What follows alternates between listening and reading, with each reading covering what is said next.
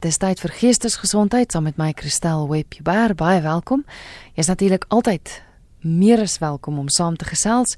Ons gesels vanaand oor bipolêre depressie. My gas vanaand is Dr. Johan Ferreira, sielkundige van Johannesburg. Naand Johan. Naand Christel. Johan, wat is die verskil of hoe verskil bipolêre depressie van depressie? Kyk ons verwys nou eintlik na bipolêre gemoedstoornis. Goed. Ehm um, ons het altyd van maniese depressie gepraat omdat dit die twee pole in terme van die bui het. So mense wat ehm um, in 'n diep depressiewe episode verval en dan wat uit die episode uitkom, hulle bui normaliseer dan en dan gaan dit na 'n maniese fase toe. Dis wanneer mense um gedisinhibeerd optree en baie energie het en heeltemal buite verhouding positief optree. Dis nie 'n normale goeie bui nie. Dit is dis disfunksionele gedrag wat daartoe lei dat um die die twee pole van gedrag dan in hulle lewe geïdentifiseer word en dan kan mens uiteindelik oor tyd by 'n diagnose van van bipolariteit uitkom Ehm um, daar daar's natuurlik twee tipes, ehm um, bipolêr 1 en bipolêr 2. Die diagnose ehm um, verskil ehm um, effens van mekaar en dit is belangrik dat mense dit sal onderskei want ehm um, die behandelingsstrategie is, is verskillend. So 'n bipolêre 1 diagnose is iemand wat 'n volledige maniese episode al een keer in hulle lewe beleef het. Dit is baie gevaarlik wat kan lei tot tot psigotiese ehm um, episodes en mense met 'n volledige um, bipolêr 1 diagnose word word dikwels gehospitaliseer. Bipolêr 2 diagnose is 'n is 'n um, ons verwys maar na 'n sagter diagnose. Ons verwys na 'n hipomaniese fase. So die die intensiteit van die simptome is minder. Dit kan ooreenstem, die gedrag kan ooreenstem en dit is definitief ook disfunksioneel maar dit is nie so intens nie en dit is nie so so uiters gevaarlik soos 'n soos 'n volledige maniese fase nie. Die depressiewe episodes moet natuurlik teenwoordig wees vir mens om die om die bipolêre um depressie te kan maak. Hoekom is dit verander van maniese depressie na bipolêre verstoring? Beteken dit is dan nou nie depressie nie of Nee, dit um ek dink dit dit dit is net 'n meer um 'n uh, korrekter manier om daarna te verwys en ek dink dit is minder verwarrend. Um mense wat aan aan bipolêre gemoedstoornis ly, het nie het nie noodwendig um 'n patroon van van van baie nie so dit kan redelik onvoorspelbaar wees. En natuurlik kry mens nou gemengde episodes waar mense simptome van 'n sterk maniese episode kan beleef maar terselfdertyd depressiewe simptome kan beleef. So dit dit kan 'n baie verwarrende kliniese beeld um um vir mense gee. Maar as jy weet waarvoor om te kyk en jy maak die diagnose oor tyd dan kom mens by 'n duideliker beeld uit. So soos jy kan hoor is dit 'n dis 'n dit is dit is 'n baie erge verstoring wat mens kan hê en dit veroorsaak ongelooflike komplikasies in mense se dag tot dag lewe. Dit ehm um, dit dit lei tot 'n verstoring in verhoudings met ander mense, dit lei tot 'n verstoring in werksverrigting, ehm um, verantwoordelike optrede, kinderopvoeding.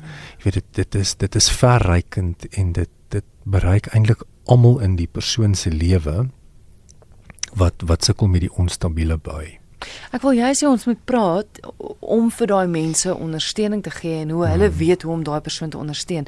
Maar ek wil eers weet, gestel iemand luister nou na die program, hoe gaan ek weet of 'n persoon naby aan my moontlik bipolêr is? Is daar sekere goed waarvoor mens kan uitkyk want ek meen jy kan sekere goed in iemand raak sien. Hmm.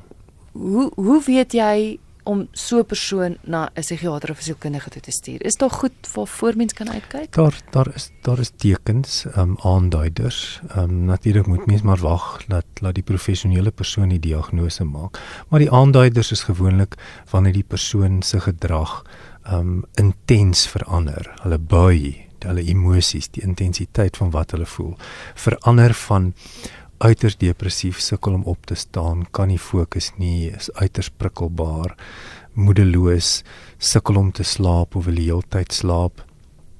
En wanneer hulle dan uit die depressiewe bui uitkom, dan verander die gedrag meetbaar. En en die persoon kan dan um geweldige um energieke gedrag openbaar, Ehm um, hulle kan nie ophou praat nie, hulle tree ontoepaslik op, hulle voel um, hulle voel seksueel baie verleidelik, totaal buite karakter vir die persoon. Ehm um, sommige sommige mense begin begin verskriklik baie geld uitgee. Die lewe is vir hulle ongelooflik lekker. Ehm um, buite buite perke. Hierdie is nie opstaan in die oggend en nou is ek in 'n goeie bui van die son skyn nie dis dis werklik disfunksionele gedrag. Hulle kan nie hulle werk gedoen kry nie. So net soos wat die depressie hulle deaktiveer, so ooraktiveer die maniese of die of die hipomaniese fase hulle. Maar dit is ook disfunksionele. Persoon wat wat wat werklik 'n maniese fase beleef, kan nie werklik um, genormaliseerd leef nie ehm um, hulle beleef 'n verhoogde ehm um, uh, geaktiveerdheid. So initieel kry hulle verskriklik baie gedoen, maar dan raak hulle disfunksioneel. Is dit iets wat net skielik met 'n persoon gebeur of is dit iets wat oor die jare sluimer? Moet daar iets gebeur wat dit sneller dit dit is nou maar hoogs individueel. Sommige mense sukkel reeds van van hulle vroeë tienerjare af met 'n onstabiele bui ehm um, daar daar is selfs ehm um, mense wat van hulle kinderjare af daarmee sukkel. So dis dis dis 'n prikkelbaarheid, dis impulsiwiteit, maar dit is gekoppel aan hoe die persoon voel. Natuurlik is daar kan mens kan mens ook 'n 'n bipolêre um, aktivering kry later in mense lewe as daar um, as daar 'n trauma was die die teorie sê dat die dat die bipolêre geneigtheid dan onderliggend was, maar net tot op daai stadium nog nie geaktiveer was nie.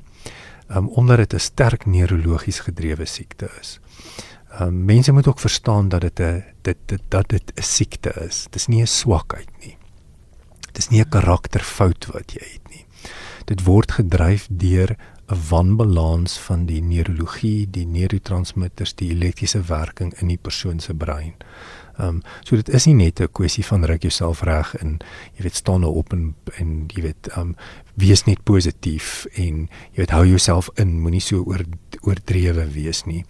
Iemand wat wat werklik 'n bipolêre gemoedstoornis het, is iemand wat werklik werklik siek is en en moet daarvoor behandel word anders sal die episodes net langer en intenser word en die persoon sal net meer en meer disfunksioneel raak, meer en meer siek raak.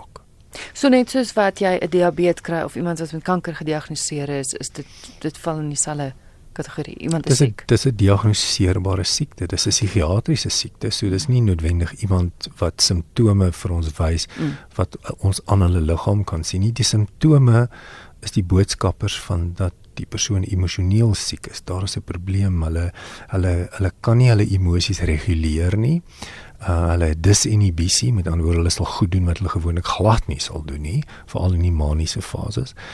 En dit dit bring ongelooflike skade. Jy weet as as iemand in hulle in hulle 30's is en ehm um, hulle is getroud en hulle twee kinders en hulle beleef skielik 'n maniese fase kan daai persoon regtig uitgaan en en omtrou wees aan hulle lewensmaat. Hulle kan hulle kan die gesin se geld blaas, hulle kan 'n nuwe besigheid gaan koop, hulle koop nuwe karre, hulle ehm um, jy weet hulle tree totaal buite die grense van wat vir hulle normaal sal wees op.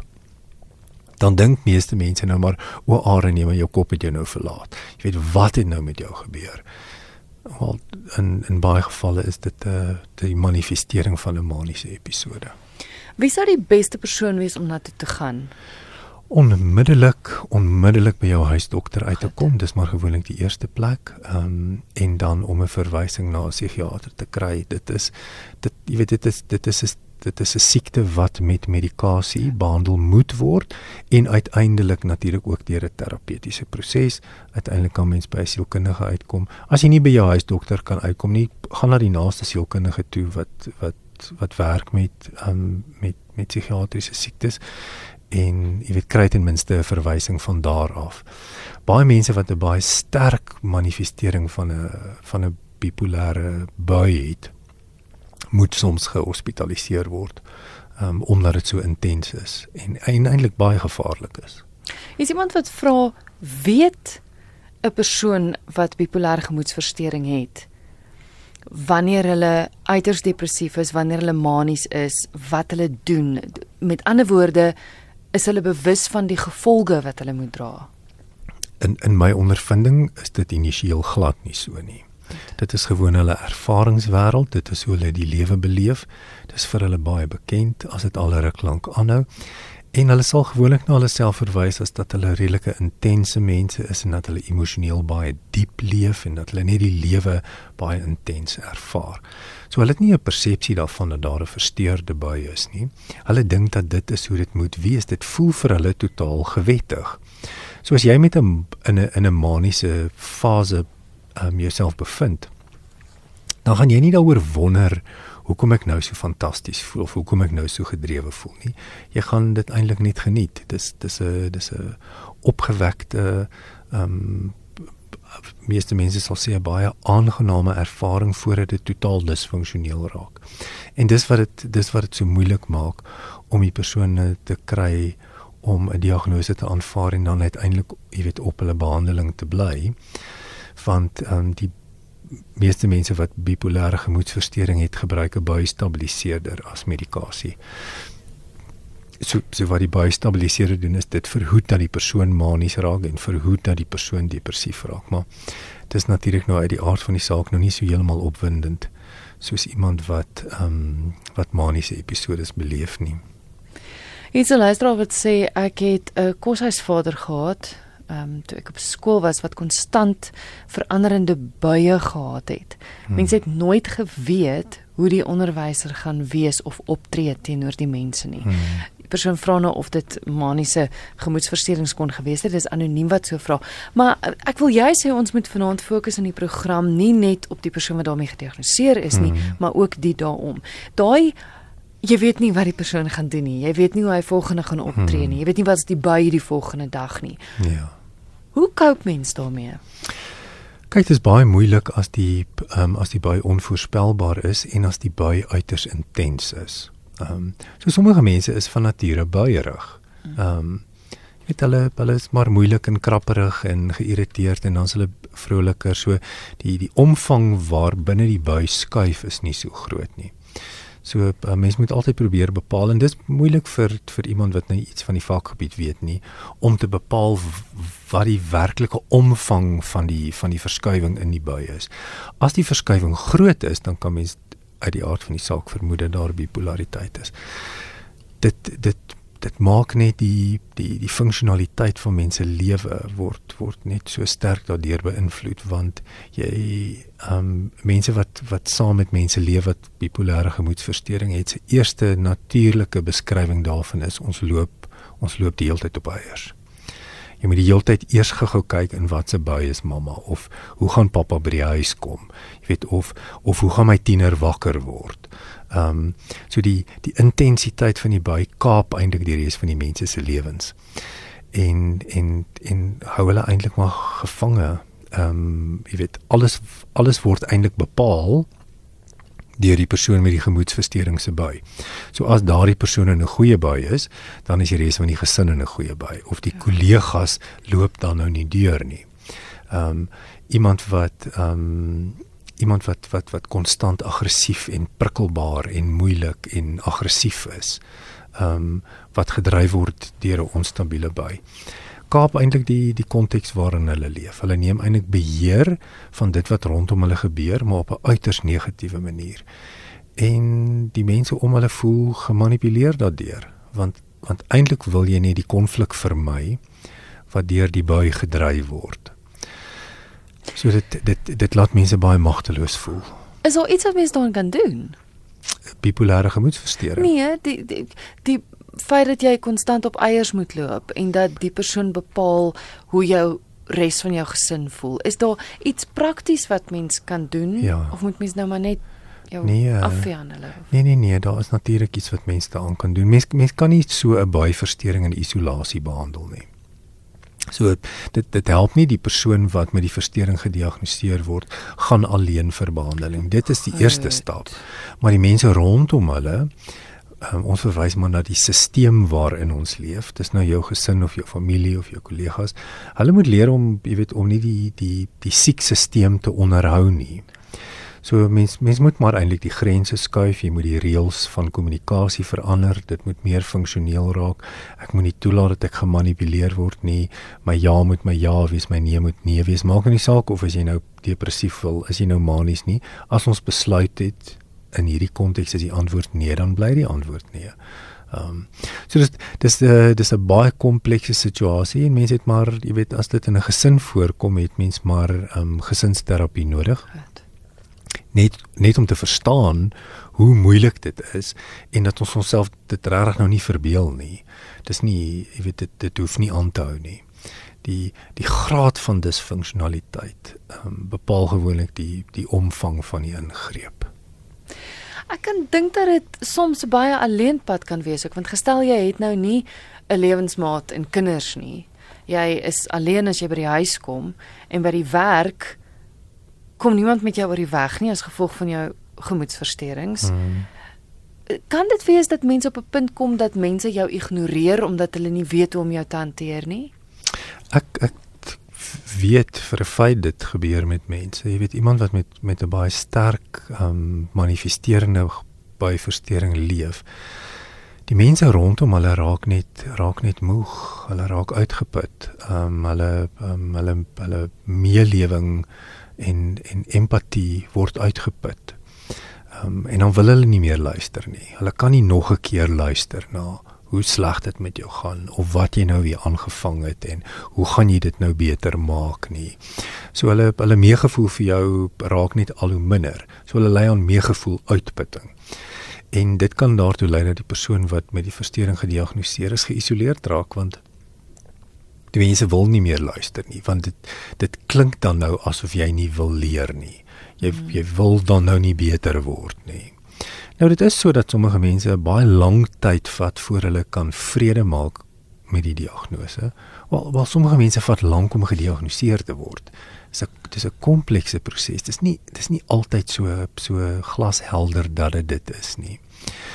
Dan moet mense eers vrede maak met die met die diagnose en dan moet jy met 'n behandelingsplan begin.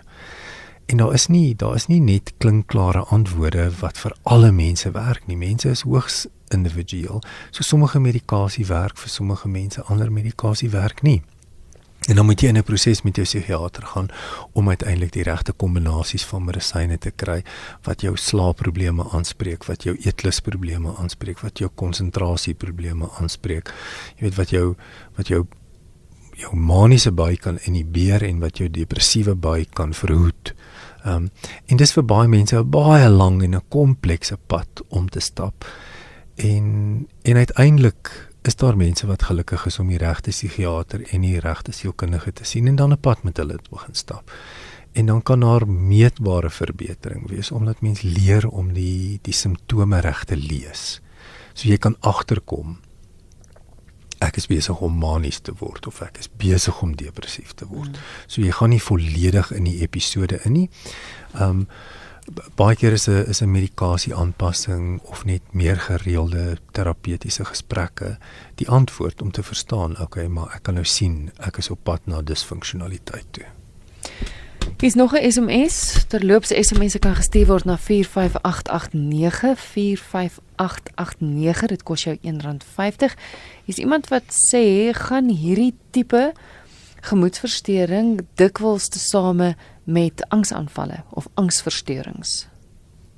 Ons vind dat in dat in baie gevalle, veral wanneer die diagnose nog nie effektief gemaak is nie, dat die persoon baie angstig daaroor kan wees omdat dit so disfunksioneel is. Ehm um, so die die vermenging van van sekere van die van die simptome ehm um, maak dit natuurlik ook nou meer kompleks. Ehm um, mens kan nie iemand wat byvoorbeeld 'n veralgemene angsversteuring het noodwendig diagnoseer as iemand wat bipolêr is nie want hulle voldoen nie aan die vereistes nie. So dis 'n dis baie keer 'n vermenging van kliniese simptome wat mens moet ehm um, wat mens moet probeer ontrafel. En en dit kan jy eintlik maar net oor tyd doen. Jy kan dit nou nie in 'n halfuur of in 'n uur gesprek uit wel ek kan nie. Dit hmm. ek dink nie dit is dit is hoe mense dit behoort te doen nie. Dis 'n pad wat jy met iemand moet stap en dan uiteindelik ehm um, jy weet die persoon te help om net by 'n meer funksionele lewe uit te kom. So ons wil nie hê mense moet nie 'n uh, 'n uh, 'n verskeidenheid van emosies beleef nie. Enige mense soms hartseer en voel oorweldig en voel besonder opgewonde en soms voel ons net gemiddeld. So dis nie dis nie 'n afplatting van natuurlike emosies nie. Dit is net daardie uiters intense disfunksionele emosies wat dan vir lang tydperke aanhou wat daartoe lei dat die persoon regtig waar nie funksioneel kan lewe nie, dat hulle verkeerde besluite neem, dat hulle hulle lewe saboteer, dat hulle verhoudings verloor, dat hulle hulle werk nie behoorlik kan doen nie. Ehm um, wat daartoe lei dat mense uiteindelik sê weet hierdie ding het nou disfunksioneel geword. Jy het aan die begin gesê dat dit het nogal 'n 'n groot invloed op 'n mens ehm um, se daaglikse bestaan. Hmm skep gou vir ons 'n prentjie van so 'n persoon. Ek dink ook dat dat ons wat nie noodwendig die wêreld verstaan waar so 'n persoon is nie, dat mens kan weet wat gaan aan in hulle hmm. lewe. So iemand wat wat in 'n depressiewe episode is, sal laat rig in die oggend wakker word. Ehm um, hulle sal wakker word en moeg wees. Hulle kan nie opstaan nie. Hoe dieper die episode is, hoe intenser is die is die gevoel. Hulle het geen energie nie hulle is nie fisiologies hulle het nie hulle het nie 'n fisiologiese siekte behalwe die depressie nie. Mm. So dis nie omdat hulle verkoue het of omdat hulle griep het of omdat hulle lae bloeddruk het nie, dis omdat hulle depressief is. Ehm um, hulle kan ongelooflik prikkelbaar wees.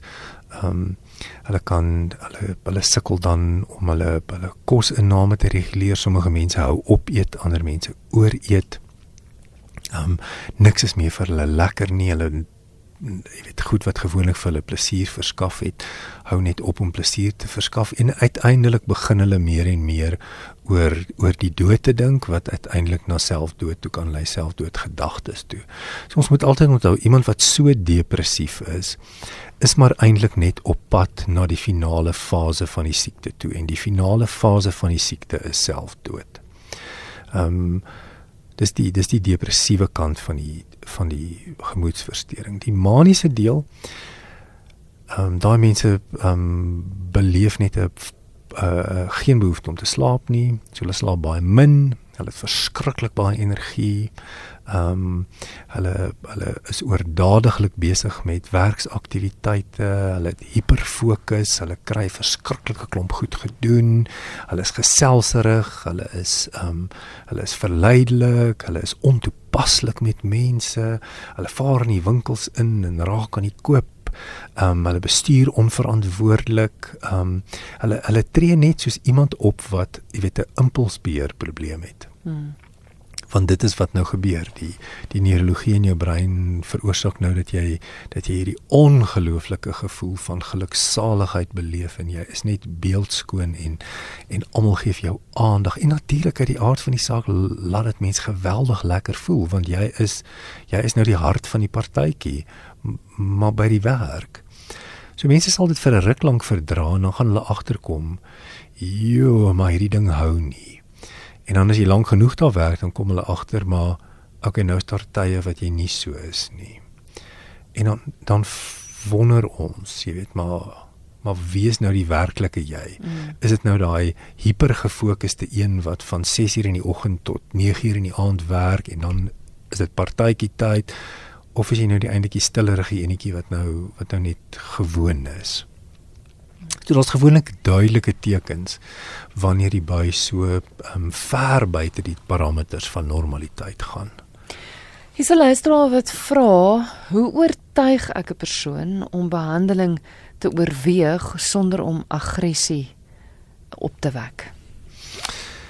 Ja, kyk, dit hang nou maar af, jy weet hoe hoe ver die persoon van insig af is. Ehm um, die beste is maar om te probeer om om die persoon te laat verstaan wat die realiteit is om te gaan sit dalk dalk net eers bietjie daaroor op te lees en net te sien jy weet waarmee werk jy en dan om vir die persoon te verduidelik vanuit jou perspektief hoe die prentjie lyk.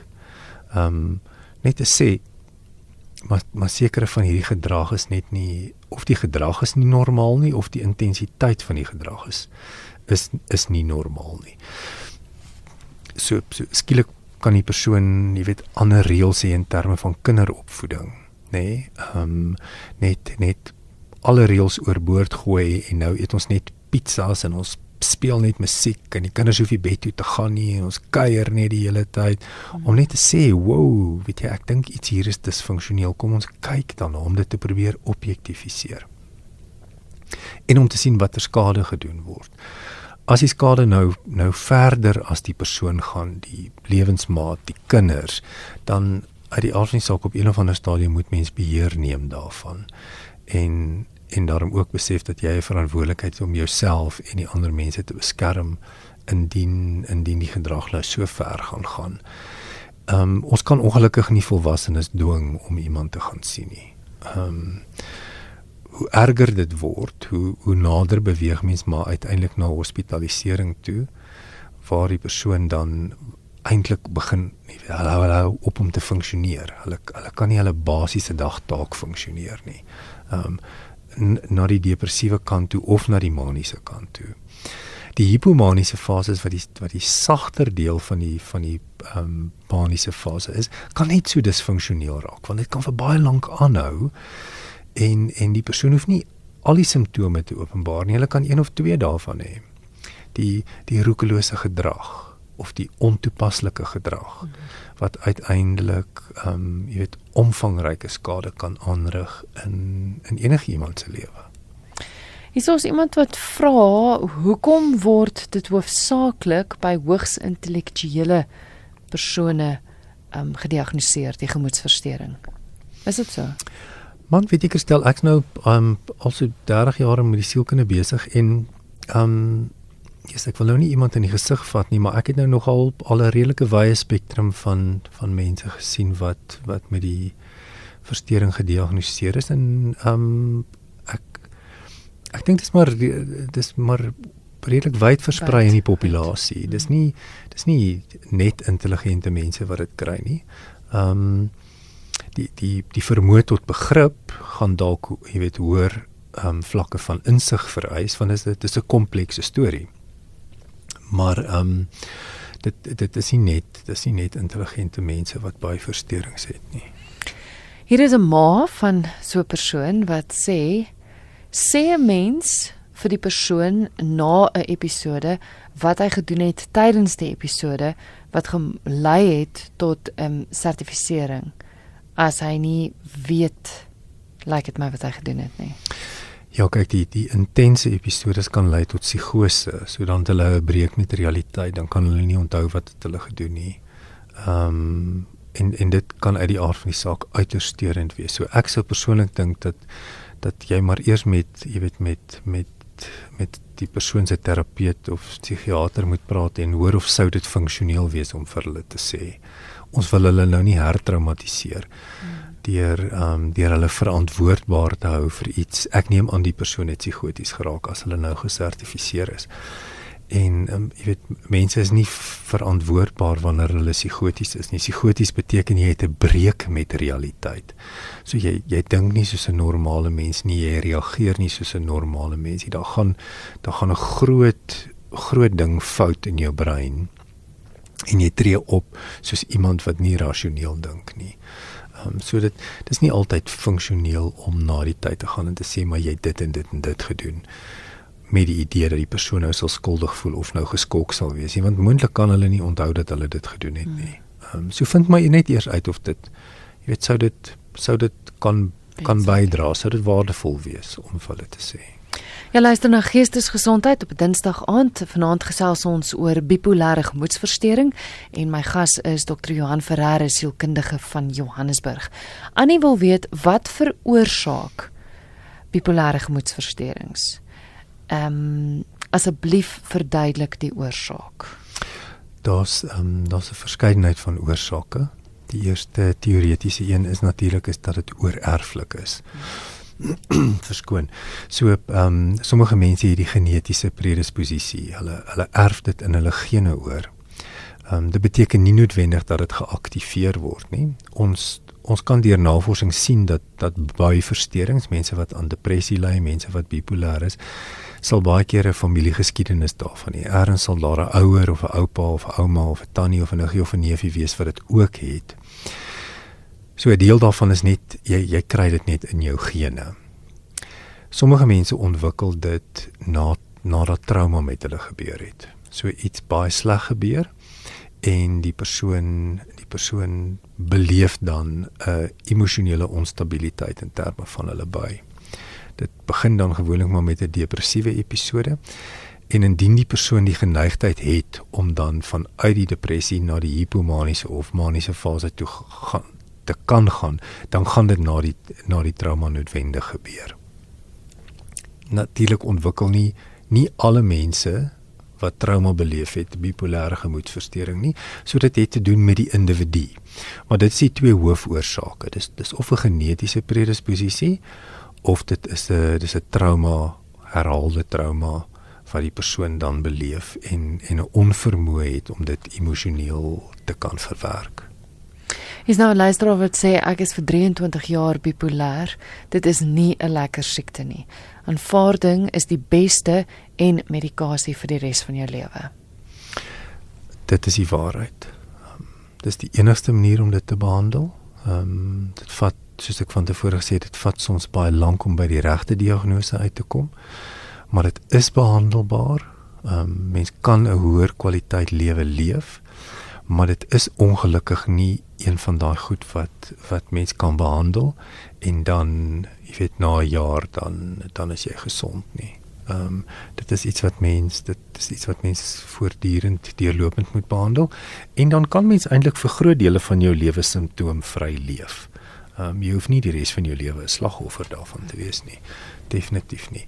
Meeste mense wil nie aanvaar dat dit die diagnose is nie want dit is 'n baie baie baie swaar kruis om te dra. Is daar iemand wat vra wat is die verskil tussen bipola bipolariteit en major depressie? Major depressie is die een kant van die skaal. So iemand wat bipolêr is, het major depressie wat dan afgewissel word met die maniese fase. So dink aan dink aan twee pole en 'n hmm. pendulum wat tussen die twee pole swaai. So die die depressie is die een kant en dan swaai die pendulum na die maniese kant toe. Dis bipolêr, twee pole. Goed. Iemand wat majore depressie het, hulle hang net aan die een pool rond. Hulle so, hulle gaan nie na die ander pool nie. Goed. Goed. Ehm um, isos iemand wat sê my kind het al vele kere probeer probeer om hulle eie lewe te neem as gevolg van bipolêre gemoedstoornis ek kan nie meer nie. Dit voel asof ek my kind konstant wil oppas. Ek kan nie heeldag by hom wees nie. Hoe koop ek met hierdie vrees in my hart dat hy iets gaan oorkom? Dit is natuurlik 'n ongelooflike moeilike situasie om in te wees want dit meeste ouers voel dat dit hulle plig is om te sorg dat hulle kinders ehm um, dat hulle kinders okay sal wees. So die eerste ding wat wat ouers moet leer, ehm um, wat kinders het wat met bipolêre ehm um, gemoedstoornis gediagnoseer te word, is dat dit nie hulle verantwoordelikheid is nie. Ehm um, dit hang ook natuurlik nou af hoe oud die kind is. Ehm um, uit die aard van die saak as iemand al baie lank daarmee gediagnoseer is, dan het ons nou al die pad saam met hulle gestap.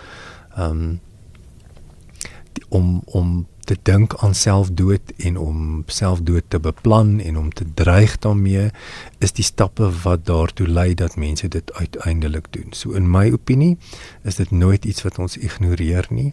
Dit is iets wat ons altyd aan aandag moet gee. Ehm um, ons ons wil tog nou nie hê dat dit moet gebeur nie. Die die feit van die saak is is dat ons nie verantwoordelik is vir die lewe van ander mense nie.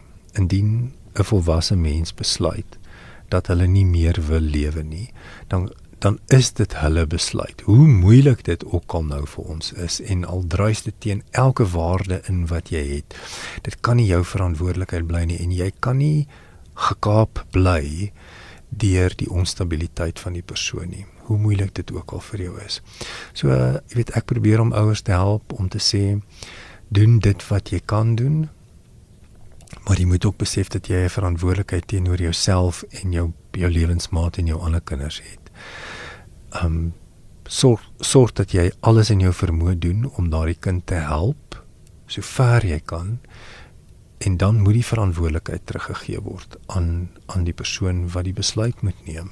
Um dis 'n baie komplekse, baie moeilike besluit om te neem. Maar ons kan nie ons ons kan nie konstant iemand anders oppas in die hoop dat hulle dat hulle nie vir hulle self sal seermaak nie. Ehm um, dit word 'n onmoontlike situasie. Die die die stres in so 'n situasie is is is naderhand onuithoudbaar en sal die sal die gesonde persoon uiteindelik een of ander psigiatriese verstoring begin ontwikkel want jy geen mens kan met daai tipe van spanning hmm. leef nie. Die volgende SMS het nou ek kry nie die res nie, maar ek dink is tog belangrik wat die persoon aanraak wat sê van my dogter 14 is, is sy gediagnoseer met bipolariteit. Sy is nou 26 oor die afgelope oor die jare en nou weer met haar werk is dit 'n ewige bekleierery met die mediese fonds om die medikasie wat deur die psigiater voorgeskryf is goedgekeur te kry. Hmm. Sy het self toe 'n poging gehad in Maart en hmm. maar nou kry ek nie die res van die Ja, ja het jy raad? Ehm um, kyk die die die administrasie rondom diagnose is nou maar daar is sekere reëls. So um sorg dat jy sorg dat jy by jou mediese fonds uitvind presies watter diagnosekode hulle benodig en bevestig dan met jou psigiater dat dit die diagnosekode is wat hy mee gediagnoseer het. Professionele mense kan nie diagnosekodes en behoort nie diagnosekodes te verander omdat hulle betaling daarvoor gaan on, ontvang nie, maar meeste mediese fondse moet wel alle mediese fondse moet vir bipolêre gemoedversteuring betaal want dit is 'n um, ek weet nou nie wat die Afrikaans is nie dit's 'n prescribed minimum benefit. So dit is dit is een van daai siektes wat ehm um, wat wat deur die wat deur die um, wet verplig word dat 'n mediese fonds 'n sekere deel daarvan moet betaal. Okay. So praat met jou mediese fonds daaroor, vra vir hulle oor die oor die PMB kodes en sorg dat jou psigiater die regte kode gebruik en dan behoort hulle ehm um, sekerlik vir 'n deel van die behandeling te betaal en sorg dat die sorg dat die medisyne dan op jou op jou kroniese voordeel geëis word. Is ons iemand wat vra hoe gemaak by die werk? Jou gas het vroeër genoem dat so 'n persoon eh, begin om vermy te word. Wat kan ek as kollega doen om so 'n persoon nie uit te sluit nie? Hmm. Om om te sorg dat dat dat jou ehm um, dat jou vermoë dat jou dat jou denk vir vir meegevoel vol bly. Ehm um, as as dit as dit goed gaan met jou lewe, dan het ons 'n 'n hoër ehm um, kapasiteit vir meegevoel vir mense wat sukkel. En dan om te besef dat daar daar maar veiligheid daarin lê om dit nie alleen te probeer doen nie. Nee, moenie moenie jy op jou eie besluit jy gaan so iemand red nie. Probeer om dit met 'n met 'n groep te doen dan dan is ons veiliger.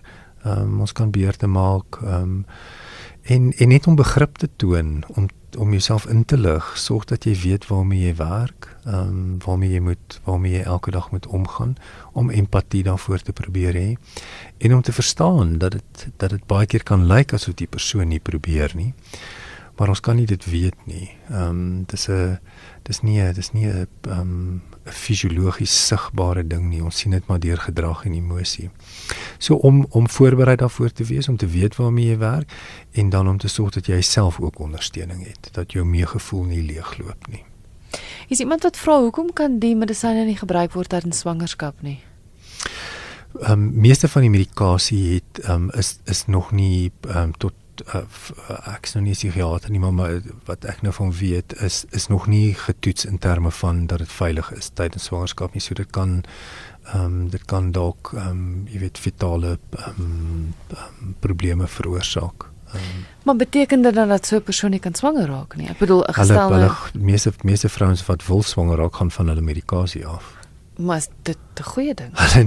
Wel jy moet nou maar kies. Um, ek het ek het tans het ek seker 4 vier swanger vrouens wat wat al vier bipolêr is en hulle het met hulle psigiater gekonsulteer en die psigiater het het gesê watter medikasie onmiddellik gestaak moet word. En en mens verhoog dan maar net die terapeutiese proses in daai tyd. Ehm um, want hulle kan hulle kan definitief nie ehm um, Hulle kan definitief nie hmm. alle medikasies gebruik nie. Um, is jy iemand wat vra ekskuus van die terapeutiese proses, watter tipe terapie word gebruik? Dit dit hang nou maar af van die terapeut. Ehm um, jy weet ek doen 'n ek volg 'n 'n kognitiewe gedragsterapeutiese benadering waar mens waar mens met die realiteite van die lewe werk. Ehm um, hoe hoe beïnvloed my denke dit wat ek voel? Ehm um, en waar die persoon leer deur die regte selfspraak. Ehm um, hoe gee ek vir myself terugvoer? Ehm um, hoe evalueer ek dit wat in my lewe in aangaan op 'n ander manier? dat my dat my emosionele modaliteit, dit wat ek voel, is nie noodwendig die sterkste en die mees betekenisvolste aanduider van wat in my lewe aangaan nie. Emosies gee vir ons 'n 'n teken dat ek dat ek iets beleef, maar dit is nie die finale antwoord nie. So ons moet leer om ook ons rasionele denke te gebruik en te sê goed, waarop is ek nou gefokus? Hoekom voel ek nou so? is dit is dit nou rasioneel om so bly te wees of om so hartseer te wees. So om om hulle te help om die proses, die die emosie beter in proses te kan hanteer en dan vir hulle groter emosionele beheer te gee. Um, dit is 'n baie effektiewe proses. Is iemand wat sê my dogter is bipolêr, die ondersteuningsbasis van die gesin en of ander is van kritieke belang om 'n normale lewe te lei, soos dit die luisteraar. Die luisteraar is reg. Die luisteraar weet iets. Ehm um, is ongelooflik moeilik om iemand met 'n bipolêre gemoedstoornis in isolasie te behandel. Ehm um, daar's geen terugvoer nie, daar's baie min realiteitstoetsing. Ehm um, jy, jy kan nie regtig waar ehm um, jy weet die persoon effektief help as jy nie regtig waar weet wat regtig in hulle dag aangaan nie. So die gesinsondersteuning help geweldig baie as hulle vir jou terugvoer kan gee en kan sê, weet jy, maar die afgelope 2 weke was mooi stabiel geweest of die afgelope 2 weke was chaoties geweest. Die persoon self kan nie dit altyd ehm um, kan nie dit altyd sien en die terugvoer gee nie.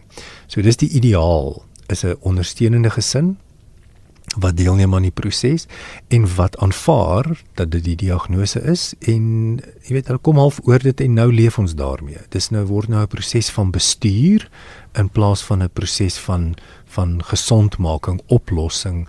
Ehm um, jy weet okay, dis nou verby. Jy's nou jy's nou jy's nou gesond. Ehm um, gesond vir iemand wat bipolêr is beteken eintlik jy is nou simptoomvry. Jy het dit nog steeds, maar gelukkig leef jy nou nie meer met die met die negativiteit van die simptome saam nie. Ek sien ek het baie langer gepraat as wat ek moes. Ons is lankal verby ons tyd. Kan luisteraars jou kontak? Hulle kan vir my e-pos stuur na johanf@mosaik.com. Dankie Johan. Dankie Christel.